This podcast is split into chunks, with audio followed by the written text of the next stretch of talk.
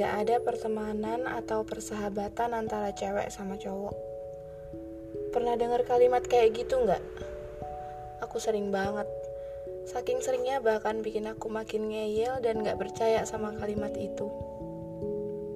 Aku bahkan yakin banget kalau pasti ada lah jenis hubungan yang bisa matahin dalil ini. Tapi sayangnya hampir semuanya tuh jadi kebenaran gitu. Seringnya, di awal pertemanan kita akan bilang ke diri sendiri kalau ah nggak mungkin gue suka sama sahabat gue sendiri. Atau kita temenan just it nggak lebih.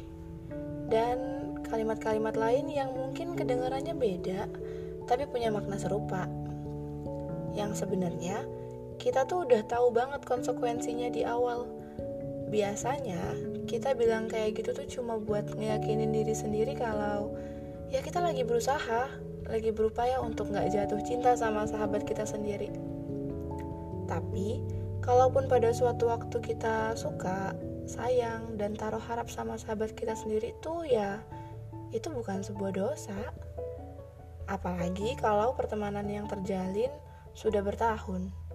Sudah paham betul bagaimana caranya tertawa caranya berjalan caranya menjalani hidupnya dan kita jadi bagian dari itu. Ya gimana ya? Seorang temanku sebut saja namanya bunga. Dia pernah bercerita kalau dia jatuh hati sama sahabatnya yang dia kenal baik selama tujuh tahun. Waktu yang teramat panjang untuk memendam. Ya tujuh tahun ya.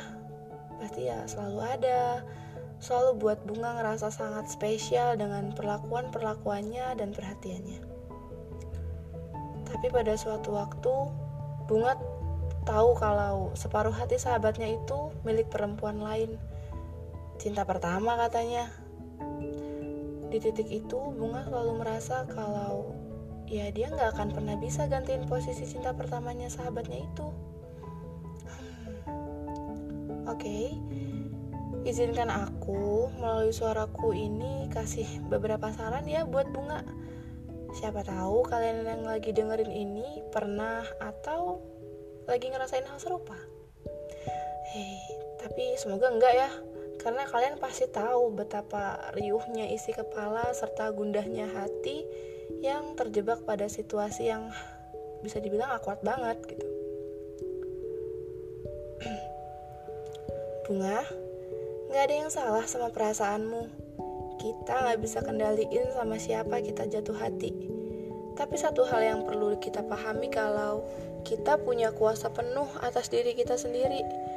Kita bisa pilih respon seperti apa yang akan kita kasih buat perasaan itu. Sebagai sesama perempuan, aku paham betul gimana rasanya eh, resahnya seorang perempuan kalau lagi cemas dalam harap saat perasaan sudah jatuh sejatuh-jatuhnya ke dia yang bahkan kalau kita tahu ternyata dia tuh lagi nggak ngepayain perasaannya untuk kita. Hmm, aku paham betul kalau sekarang isi kepala kamu pasti lagi rame-ramenya. Ada pertanyaan-pertanyaan yang nggak bisa dilontarkan ke siapa pun dan akhirnya cuma didengar sama telinga kita sendiri. Pertanyaan-pertanyaan hmm, dia sebenarnya serius nggak ya sama aku apa selama ini aku cuma pelarian aja ya? Atau kenapa dia begitu baik ya ke aku? Padahal dia belum move on dari cinta pertamanya. Dan bla bla bla banyak lagi riuh ramai isi kepalanya berdrama. Bunga, sekarang yang bisa kita lakuin cuma dua hal. Diem, seperti nggak ada apa-apa, seolah semua baik-baik aja, atau cari jawaban dengan mengungkapkan Ya, kita tahulah kalau kita mengungkapkan ujungnya cuma ada dua kemungkinan. Antara patah atau utuh. Patah, kita masuk di kemungkinan yang paling mungkin atas harapan-harapan itu. Ya, akan ada kemungkinan kalau dia cuma main-main sih sama kata sayang-sayangnya itu. Tapi kalau ada jawaban yang kedua, kamu pasti beruntung sekali. Respon yang sama-sama baik atas gundah gulana yang meriuh di kepala. Oh iya, siap jatuh cinta artinya kita siap untuk melangkah pada jenjang cinta yang lebih tinggi. Bukan pacaran, bukan, Tapi ya tau lah, menikah agak kejauhan ya sarannya. Karena gini, ada pepatah masyur yang bilang kalau jangan pernah kau menyalahkan cinta, tapi salahkan mereka yang menyalahgunakan cinta hingga berbuat dosa. Jadi, kalau kita nih belum siap melangkah lebih jauh dengan seseorang, maka cukup cintai ia dalam diam. Karena diammu adalah salah satu bentuk bukti cintamu padanya. Wah, romantis sekali bukan?